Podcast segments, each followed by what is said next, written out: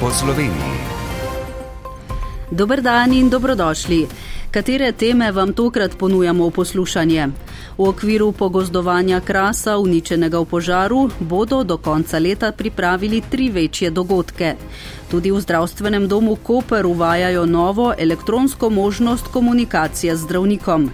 Kaj so Mariborčani predlagali v okviru participativnega proračuna za izboljšanje kakovosti življenja v mestu? Obnova lenta se je prevesila v drugo etapo, zato je tam spremenjen tudi prometni režim. Ljudske univerze imajo pomembno vlogo pri izobraževanju odraslih. Svetovanje je zdaj opredeljeno kot javna služba. V Kostelu so podpisali dokument, ki bo omogočil graditev novega turistično-rekreacijskega centra ob Kolpi. Piranski občinski svet je z odobritvijo zadolžitve podjetja Okolje omogočil prenovo Jrnejevega kanala. Po Sloveniji grem danes z vami Nina Brus. Obnova pogorelega krasa se bo začela v drugi polovici novembra. Zavod za gozdove skupaj z občinami do konca leta načrtuje tri večje dogodke, sama obnova gozdov pa bo najprej stekla na območjih, ki so bila v požaru najbolj prizadeta in so v načrtu sanacije opredeljena kot prednostna. Prispevek Eve Furlan. Letos želijo pogozditi okoli 100 hektarov in sicer gre za teren nad Mirnom in v okolici Cirja. Prvi nakup sadik se bo kril iz donacij zbranih v akciji skupaj za kras, saj bodo državna sredstva na voljo šele v drugi polovici prihodnega leta.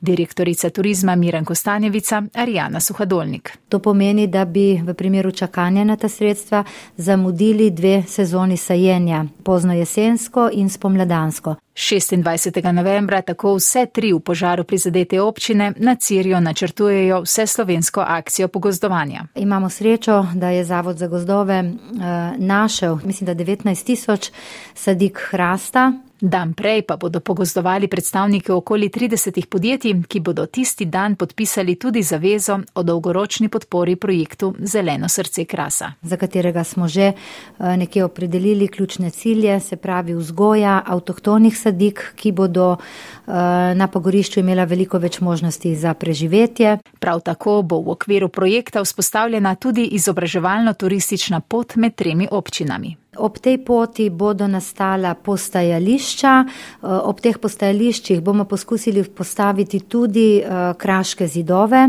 in eh, izobraževalne table za vsebinami.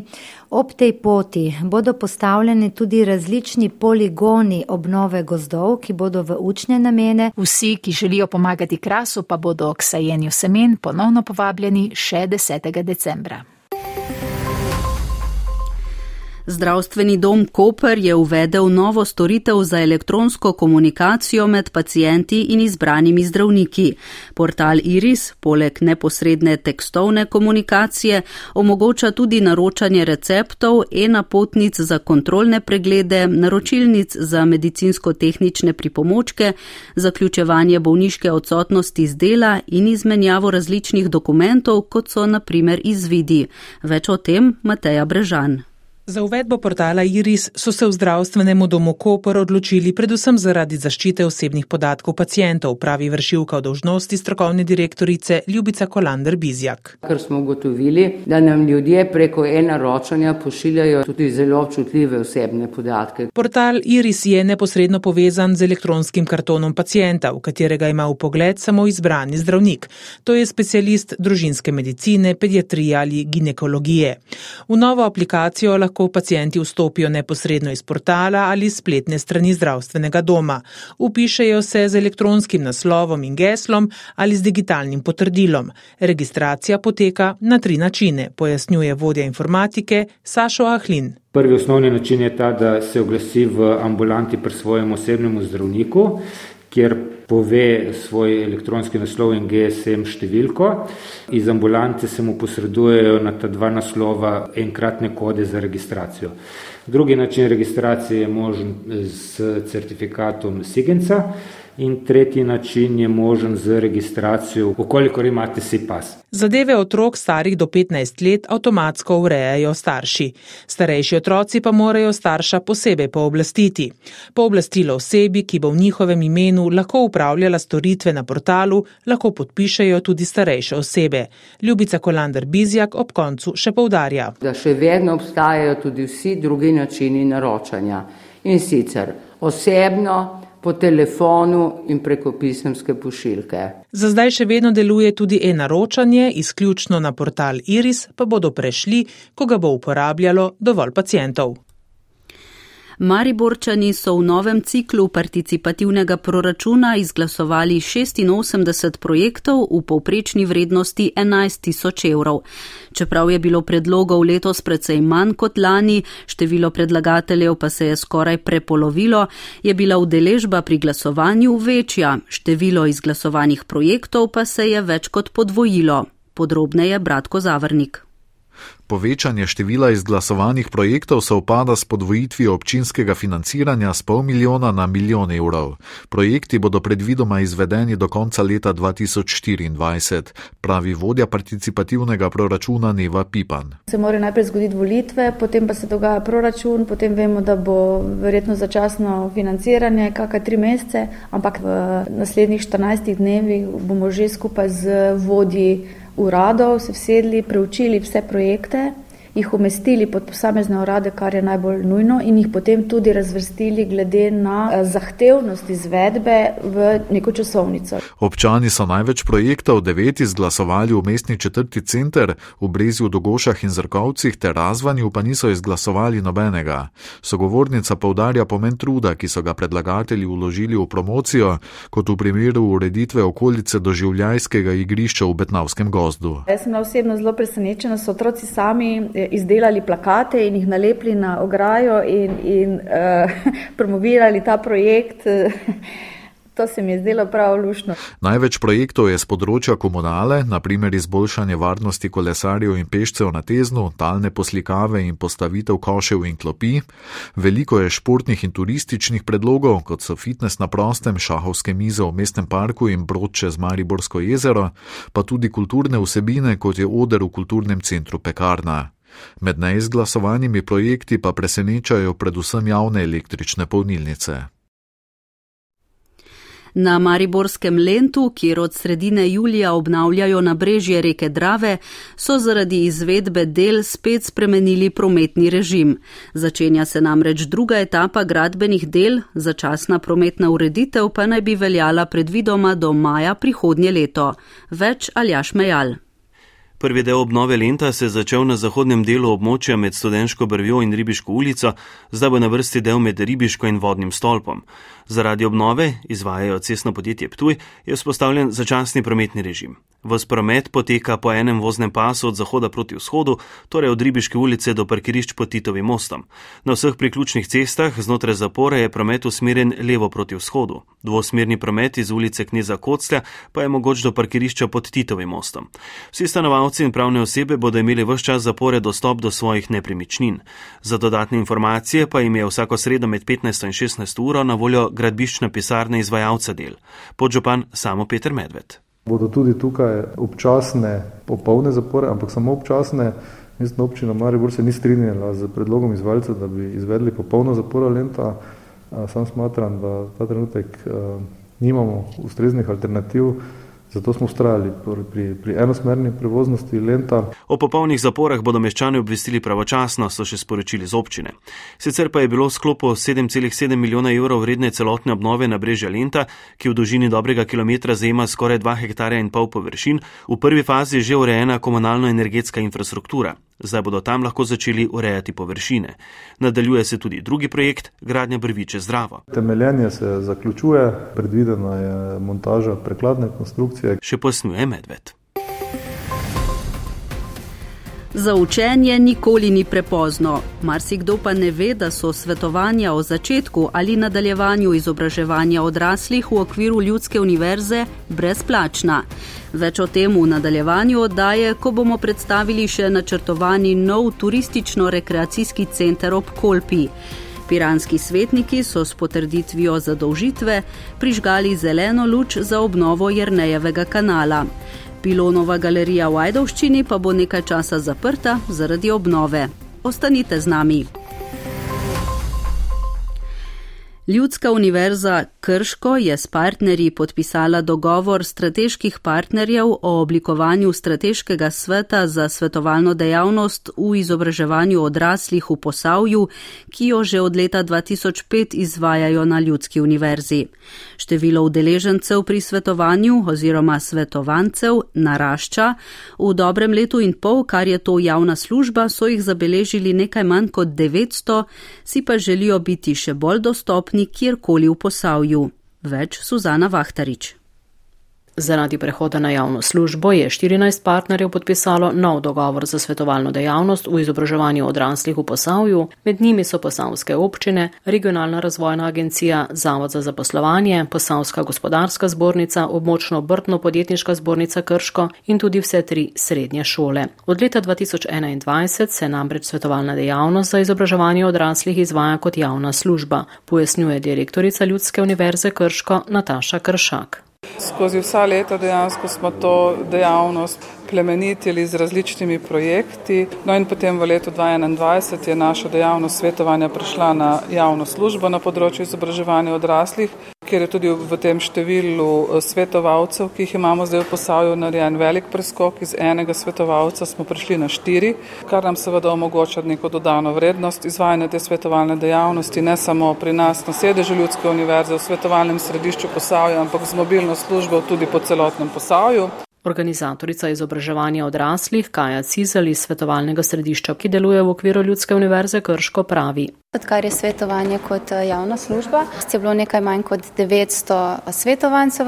Večinoma so to tisti z štiriletno poklicno ali strokovno izobrazbo ali za gimnazijo, okoli petina pa je tistih za osnovno šolsko izobrazbo. Veliko imamo tudi ranljivih skupin, večinoma so to starejši odrasli, torej upokojenci, tudi brezposelni, teh je veliko Romov, priseljencev. Tri četrtine je žensk, večina se odloči za tečaje, neformalno izobraževanje in tudi formalno izobraževanje, torej dokončanje nekega šolanja, kot dodaja Kaja Cizel, pomagajo tudi med izobraževanjem. Svetovalna dejavnost je v celoti financirana iz državnega proračuna, koordinirajo Andragoški center Slovenije Andreja Dobrovoljc. 35 javnih organizacij za izobraževanje odraslih nudi svetovanje v različnih krajih po Sloveniji. Ministrstvo za izobraževanje, znanost in šport pa financira skupni obseh stotih svetovalcev, kar ocenjujemo, da je dovolj velika številka, da se lahko pokrijejo potrebe vseh odraslih v Sloveniji. Število vključenih v svetovanje in izobraževanje sicer raste, vendar kot dodaja Andreja Dobrovoljci iz Andragoškega centra Slovenije, so to predvsem povratniki z dobrimi izkušnjami.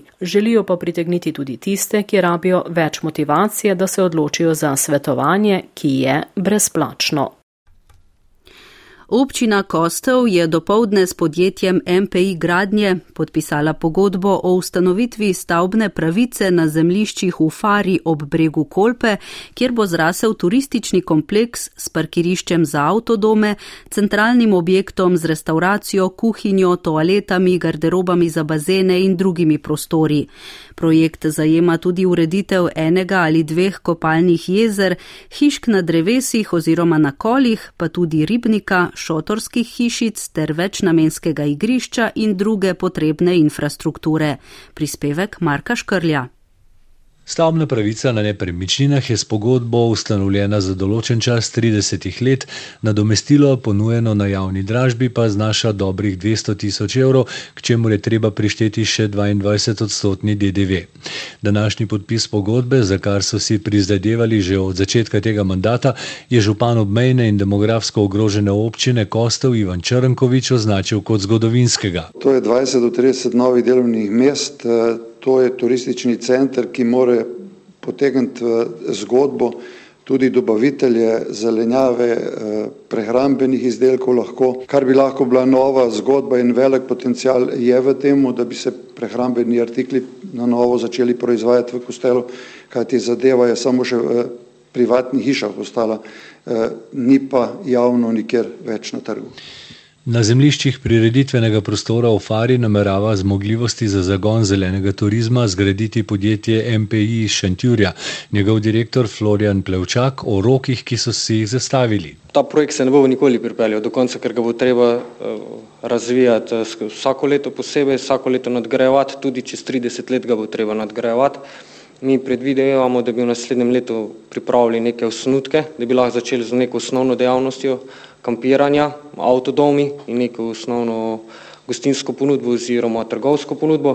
Potem pa, da bi v roku petih let, tako je bilo soželje občine, se zgradili neki bazeni oziroma jezera ter glamping, hišice, šotori in druge storitve.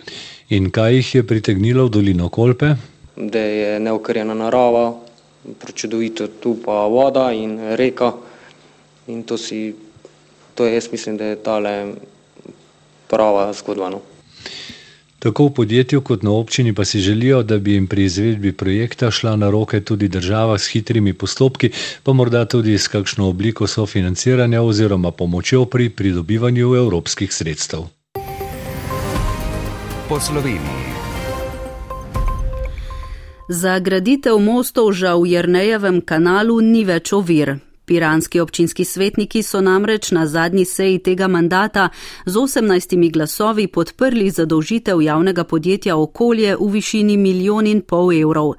Prenovljeno pristanišče z 280 privezi naj bi bilo končano do prihodnje turistične sezone, van bodo vložili 2 milijona 600 tisoč evrov.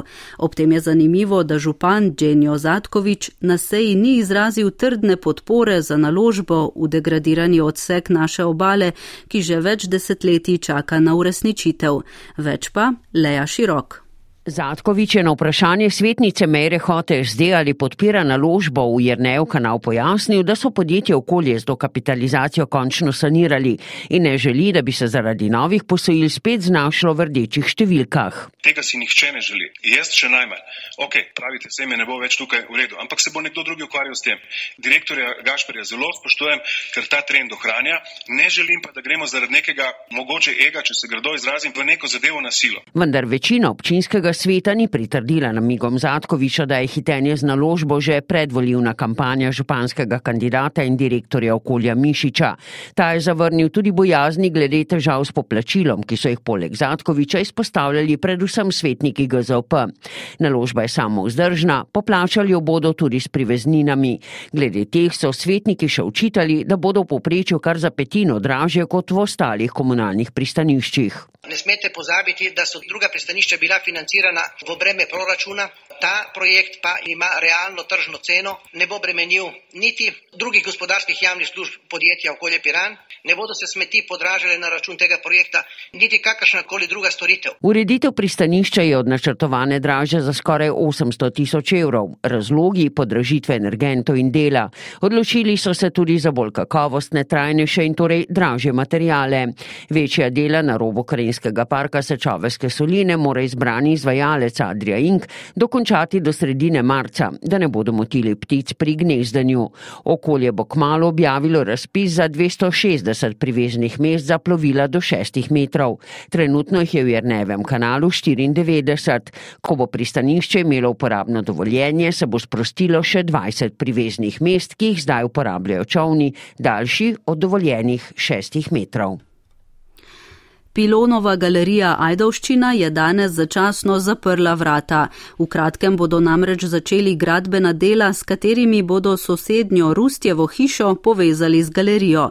Načrtujejo, da bi jo za javnost znova delno odprli v začetku prihodnjega poletja.